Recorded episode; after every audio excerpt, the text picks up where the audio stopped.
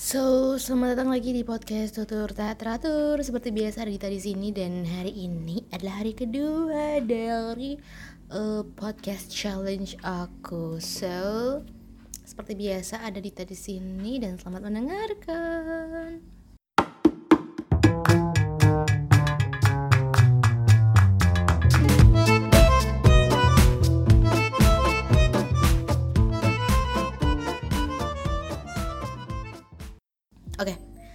Um, kemarin di hari pertama itu aku ngomongin hal-hal yang bikin aku bahagia gitu, list-list hal-hal yang bikin aku bahagia.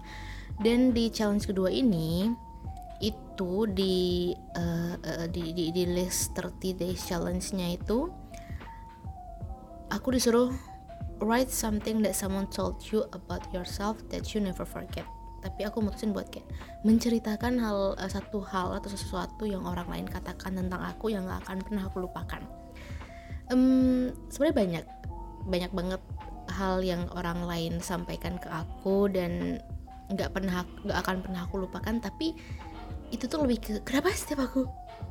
Setiap aku bikin podcast ya. Entah se sedini apa pun bukan sedini sih. Ini baru jam jam 8 malam. Dia tuh selalu ikut-ikutan gitu. Kemarin aku ngetek podcast itu cuma di sekitar jam 10-an ke atas itu kan ya wajar gitu ada tokek ini kenapa jam 8 dia udah ribut. Oke lanjut. Nah kebanyakan hal-hal yang nggak bisa aku lupain tentang apa yang orang lain katakan tentang aku itu adalah eh, hal-hal uh, yang bersifatnya itu buruk gitu.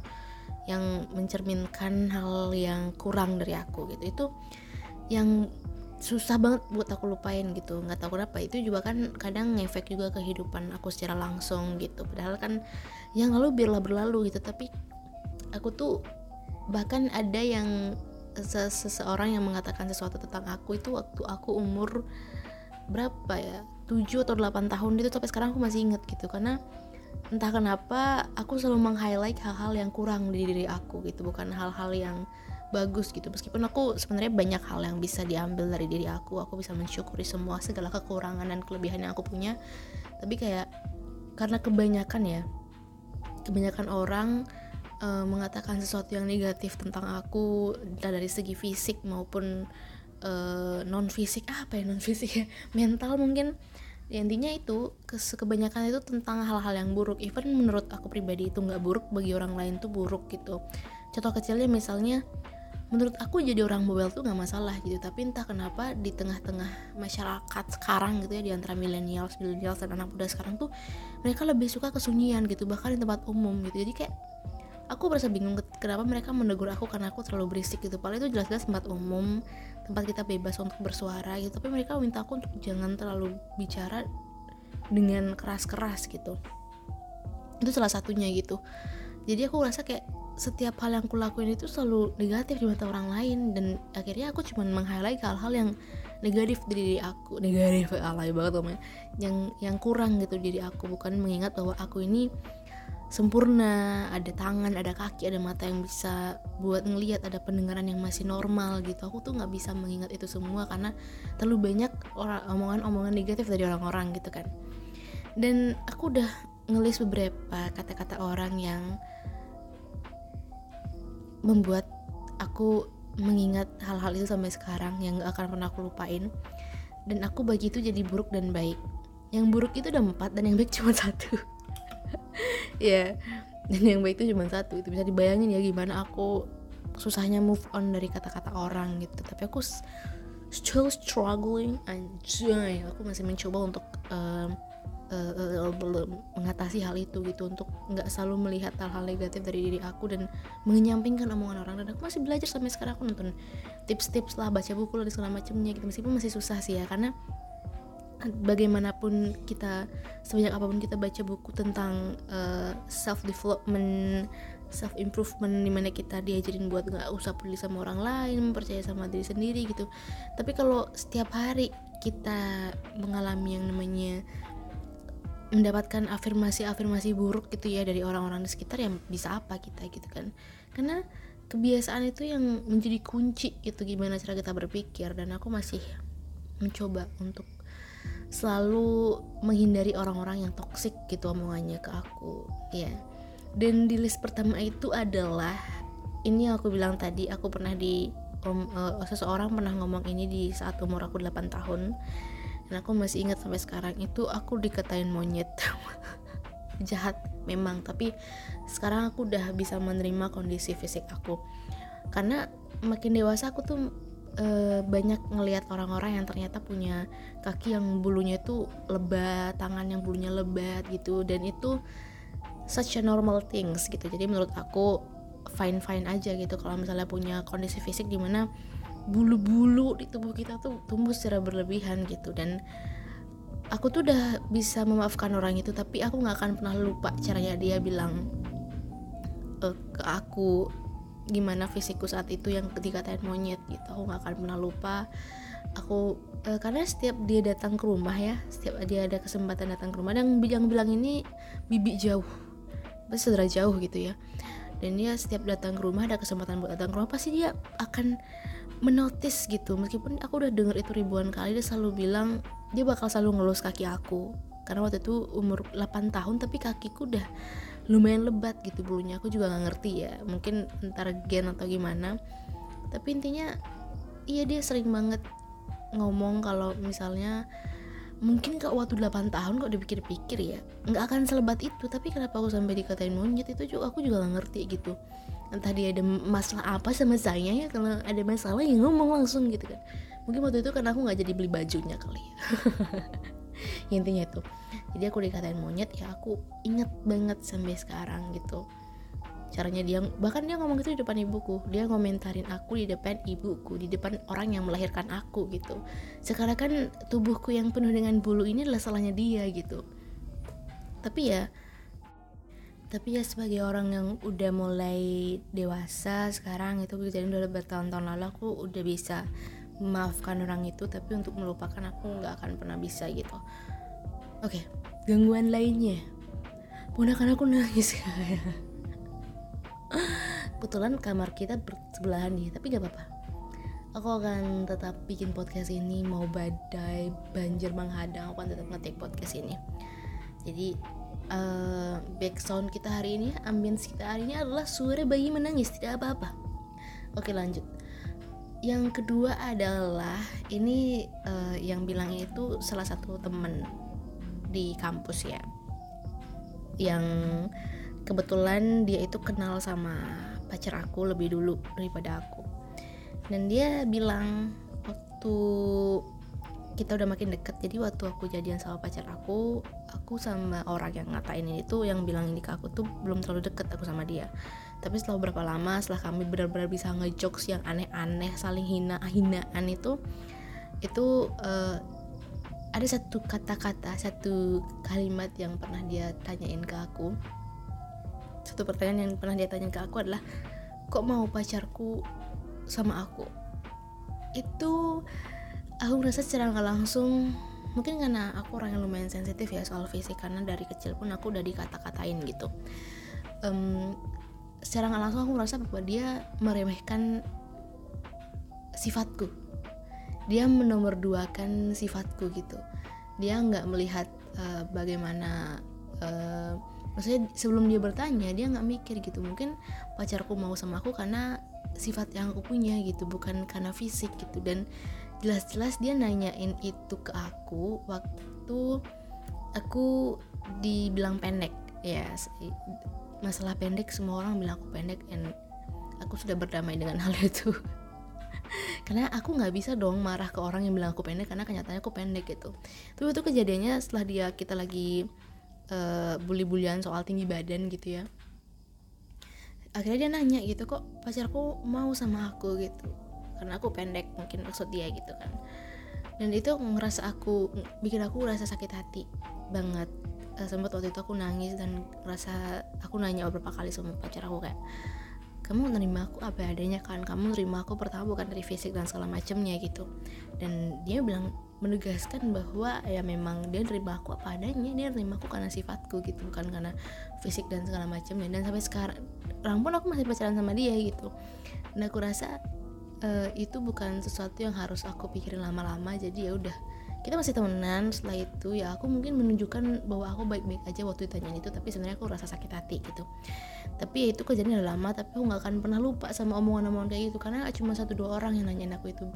Beberapa teman dekat aku juga nanyain gitu karena menurut mereka untuk ukuran fisik seorang pacar aku itu mungkin akan nyari uh, wanita yang mungkin sama sama cantiknya gitu ya. Aku nggak mau merendahkan diri aku tapi aku rasa aku cukup gitu sebagai seorang wanita. Secara fisik dan secara mental dan secara uh, sikap aku merasa aku udah cukup gitu. Aku nggak pernah berbuat yang terlalu buruk. Aku nggak pernah buat yang aneh-aneh. Selama itu ada aku sudah memenuhi batasnya ya menurut aku aku cukup gitu. Dan dengan kelengkapan semua anggota tubuh yang Tuhan kasih ke aku aku merasa cukup gitu. Udah aku nggak pernah ngerasa pengen secantik itu untuk bisa bersanding dengan seseorang. Maupun orang itu dipuji-puji sama orang di di dewa-dewakan sama orang bahwa dia terlalu ganteng buat aku atau aku yang terlalu kurang buat dia aku nggak akan aku gak akan membandingkan diri aku sampai aku, aku ngerasa rendah diri gitu. Tapi aku beberapa waktu lalu sempat struggle juga sama hal itu gitu. Jadi aku saking insecure-nya ya mendengar kenapa semua orang bertanya tentang itu gitu. Jadi menurut aku ya salahku di mana gitu loh. Jadi setelah aku bisa uh, kembali lagi ya setelah aku bisa mengingatkan diri aku bahwa aku ini cukup aku nggak perlu menjadi orang lain untuk bisa diterima oleh orang-orang atau pacar aku jadi udah gitu. Kalau emang dia mau pergi ya silahkan. That's it ya kalau misalnya dia pergi cuman gara-gara ngeliat fisik aku so sorry. Lebih baik dia nggak ada di masa depan aku sama sekali gitu. Jadi ya udah. Aku sudah berdamai dengan itu dan iya itu salah satu hal yang kenapa sih toke ikutan mulu? Lama-lama kita collab apa gimana nih? Gimana sih? Nah itu. Aneh jadi ya jadi ya menurut aku aku nggak akan pernah bisa lupain itu karena banyak orang yang menanyakan hal itu ke aku. Nggak satu dua orang karena banyak, uh, banyak orang yang nanyain itu ke aku bukan cuma satu dua orang jadi ya menurut aku itu susah banget untuk dilupain gitu. Setiap aku ngelihat pacar aku terlalu ganteng di mata aku aku tuh jadi mikir omongan-omongan mereka gitu. Tapi aku nggak akan itu udah nggak bikin aku sedih lagi gitu. Tapi aku rasa beruntung ada orang yang mau menerima aku apa adanya gitu. Bentar banget nih tokek ngomong ya cuman tiga kali biasanya panjang. Oke yang selanjutnya. Ada seseorang untuk pertama kalinya ya aku dijat soal cara berpakaian aku. Ini baru-baru ini sih terjadi ketika aku um, sempat magang di salah satu PH buat keperluan kampus gitu kan aku harus magang. Jadi uh, sempet aku magang buat jadi kayak semacam aktor atau talent gitu. Nah kita sebagai talent itu harus punya um, apa namanya wardrobe kita sendiri gitu atau pakaian-pakaian kita sendiri. Jadi waktu itu aku ada uh, aku syuting itu sekitar 20 hari untuk jadi aktor atau talent. Dan waktu itu di hari-hari terakhir kan hari-hari pertama nggak mungkin dong langsung orang yang baru kita kenal tuh langsung ngejudge kita mati-matian nggak mungkin gitu kan. Tapi di hari-hari terakhir aku jadi talent atau aktor ini ada satu omongan yang lumayan bikin aku agak oke okay, aku memang kurang gitu mungkin ya untuk um, masalah fashion dan segala macamnya gitu.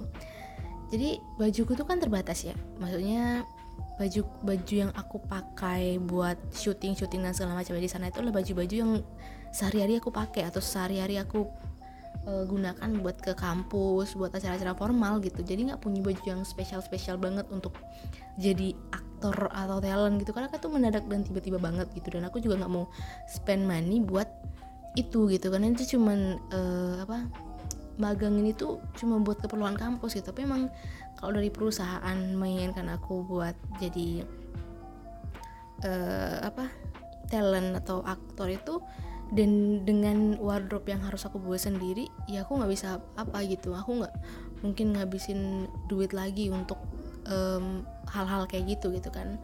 Meskipun aku harus bersikap profesional tapi maksudku bahkan eh, dari eh, apa namanya dari petinggi-petinggi di PH itu pun bilang bahwa nggak apa-apa kalau misalnya nggak punya baju yang proper. Tapi kita maksudnya aku tuh cuman kadang tuh aku cuma jadi figuran gitu kan. Jadi nggak masalah gitu.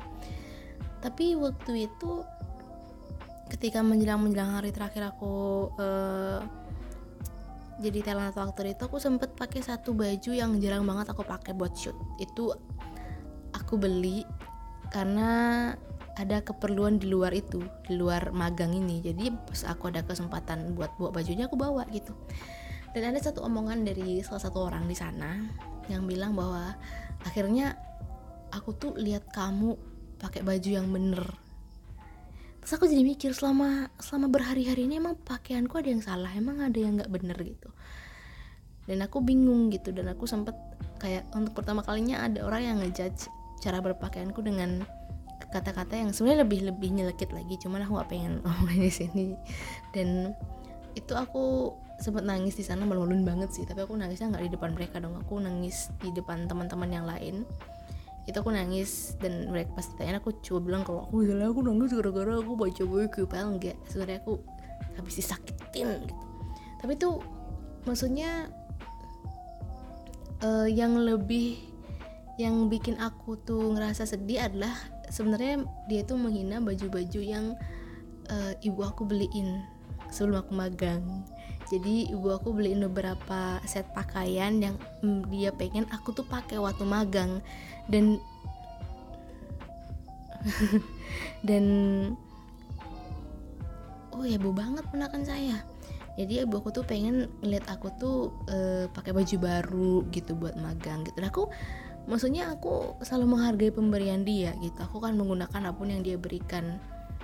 Karena menurut aku aku eh, kalau memang apa apa yang ada apa yang aku punya tuh bakal itu yang aku pakai gitu. Aku nggak bukan orang yang spesifik harus punya baju yang tone warnanya gini punya baju yang stylenya gini Korean style atau em, cewek bumi cewek kue. Aku cewek mamba aku bukan yang punya apa ya punya konsep khusus untuk untuk berpakaian aku sehari-hari gitu karena ya apa yang ada itu yang aku pakai gitu. Aku aku concernku bukan ke cara berpakaian gitu. Meskipun di sana memang orang-orang yang jadi talent atau aktor itu memang memperhatikan banget cara berpakaian mereka. Tapi kan kondisiku aku bukan eh, bukan apa ya bukan salah satu eh, bagian bagian dari karyawan. Bukan karyawan apa sih? Sebutannya bukan satu bukan anak yang bukan anak-anak kantor di sana yang memang harus memenuhi standar-standar di sana gitu. Karena dari awal juga mereka setuju bahwa kekuranganku ketika aku menjadi uh, atau aktor ini aku nggak bakal punya baju yang bagus. Dan mereka juga no problem gitu that. Tapi ketika aku dapat ketika aku dapat omongan itu aku merasa sedih gitu. Karena ya itu tadi mereka nggak tahu bahwa baju-baju yang biasa aku pakai itu adalah baju-baju pemberian ibu aku aku merasa sedih waktu dia omongin kayak gitu baju yang aku pakai katanya nggak ada yang bener gitu. So itu itu nggak akan pernah aku lupain sih kayaknya ya dan aku juga jadi jarang banget buat buat pakai baju yang waktu itu aku dibilang bagus sama orang itu. Karena aku ngerasa setiap aku lihat diri aku pakai baju itu aku jadi inget kejadian itu gitu. Jadi ya udah aku udah memaafkan karena eh, si sebenarnya dia orang yang baik banget. Membimbing aku banget di sana cuman ya gitu. Ya sifat orang kan kita nggak bisa kendaliin ya itu yang aku pelajarin dari filosofi teras. Kita hanya perlu mengendalikan hal-hal yang bisa kita kendalikan gitu tapi ya tetap aja. Ketika orang hina kita ya pasti sakit gitu. Nggak mungkin kita bisa langsung mikir oh mungkin dia mungkin dia lagi bad mood itu nggak bisa tuh aku belum bisa belajar untuk berpikir kayak gitu ketika ada orang lain menghina aku gitu. Dan yang selanjutnya adalah ini mungkin beberapa orang perempuan juga pasti sempat pernah dapat omongan gini. Cuman kayak ini tuh terngiang-ngiang gitu dan ini lumayan mempengaruhi cara aku berpikir gitu belakangan ini gitu. Dan semua orang di lingkungan aku hampir mengatakan hal yang sama tapi ketika uh, kata-kata ini disampaikan oleh bapak sendiri my dad gitu itu rasanya lumayan menyakitkan ya. Dan aku aku bahkan ketika melakukan sesuatu itu aku inget gitu kata-kata ini. Jadi aku pernah bilang setinggi apa pun aku yang sebagai wanita ini punya pendidikan setinggi apa pun cita-cita aku setinggi apa pun mimpi-mimpi aku pasti akan berakhir di dapur gitu. And I hate that word so fucking much. Aku benci banget kata-kata itu. Aku aku kecewa ketika ada orang lain yang memakai stigma itu untuk mengibaratkan pendidikan wanita gitu. Yes aku benci banget. Dan kayak setiap aku inget kata-kata itu aku tuh selalu uh, punya ambisi tersendiri gitu bahwa aku pengen buktikan meskipun memang akhirnya wanita itu akan berakhir di dapur yang artinya kita bakal ujung-ujungnya jadi ibu rumah tangga aku bisa buktiin gitu aku bisa sukses gitu. Aku menjadi wanita yang sukses dan ibu rumah tangga yang sukses gitu. Bukan jam bukan cuma seorang ibu rumah tangga gitu. Dan itu sampai sekarang aku gak bisa lupain. Karena hampir setiap hari bukan hampir setiap hari sih sangat sering masyarakat sekitar aku juga bilang hal yang sama gitu. Ketika ada yang nanyain aku eh udah kerja di mana? Lagi uh, udah kerja atau belum? Gitu. Setiap aku bilang aku udah kuliah itu pasti ada omongan kayak gitu. Nggak usah lah kuliah lama-lama nggak usah sekolah lama-lama nggak usah belajar lama-lama gitu. Yang penting tuh uang yang penting tuh kerja gitu. Apalagi aku sebagai seorang wanita tuh mending belajar bersih-bersih mending belajar bikin apa mending belajar masak mending belajar ngurus anak dan segala macamnya gitu. Itu yang omongan yang keluar gitu dan agak sulit menjadi perempuan ya. Di, di masyarakat kita yang punya stigma stigma kayak gitu dan aku ada di tengah-tengah mereka gitu. Jadi nggak akan bisa aku lupain omongan-omongan yang kayak gitu. Ya itu adalah hal-hal buruk ya yang orang bilang ke aku yang orang pernah bilang ke aku dan aku nggak akan pernah lupa karena itu tadi sangat membekas di hati ini yang sangat sangat bikin hati ini bergejolak bergejolak bergejolak bergejolak gitu. Nah sekarang itulah uh, akan menceritakan satu uh, satu satu satu satu satu uh, sesuatu. Apa sih? Aku akan menceritakan sesuatu yang pernah orang bilang dan gak akan pernah aku lupain di sisi baik. Ini cuma ada satu sih sebenarnya. Jadi beberapa orang yang di aku pernah ketemu gitu ya yang uh, aku kenal itu sering banget bilang bahwa aku ini orangnya ramah banget. Aku aku sosok uh, social butterflies. Entah, entah kenapa aku senang banget dibilang uh, social butterflies. Itu tuh ada satu teman aku yang bilang itu ke aku cowok bahwa uh, ketika ada sosok aku di sekitar dia atau di sekitar teman-teman itu aman. Karena karena aku ini orangnya social butterfly banget. Jadi aku ngerasa hmm thanks. Thanks. Itu ada ada yang menobatkan aku dengan kata-kata social butterflies yang artinya aku gampang banget berbaru sama orang gitu. Aku kadang bersyukur jadi orang yang pede-pede aja ngomong sama orang baru. Tapi kadang juga aku ngerasa kalau misalnya uh, keramahanku tidak disambut dengan baik atau mereka ngerasa aku cringe atau aku, mereka merasa aku bahwa is SKSD banget. Itu kadang aku merasa kayak oh oke okay, nggak apa-apa gitu. Maksudnya aku bukan yang menyerah gitu untuk mengenal seseorang tapi maksudnya karena aku terbiasa ya untuk SKSD sama orang jadi aku rasa nggak malu gitu. Itu salah satu kelebihanku juga yang bikin aku ngerasa uh, baik-baik aja gitu. Mungkin kalau aku hidup di antah berantah gitu nggak kenal siapa-siapa mungkin aku bisa banyak cincong gitu sama orang lain itu itu salah satu uh, hmm, sekarang anjing yang ikutan jadi gitu.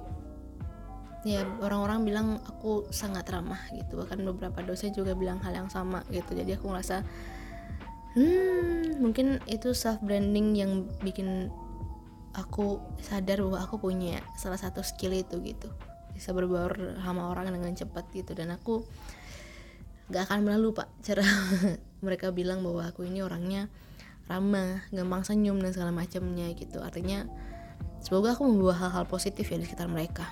Semoga gitu. Ya sih itu doang. So itu doang sih yang orang bilang ke aku. Yang gak akan pernah aku lupain. Dan ya sekarang aku sudah menjadi setengah introvert sih sebenarnya. Udah nggak social butterflies lagi tapi kalau ada kesempatan untuk bertemu dengan orang banyak dan orang-orang baru aku pasti akan terjun langsung gitu. So itu dia agak lama ya podcastnya ya. Thank you udah dengerin challenge hari kedua ini. Semoga kalian enjoy semoga kalian menyukainya dan semoga uh, semoga kita bisa bertemu di podcast besok See you. Thanks, guys.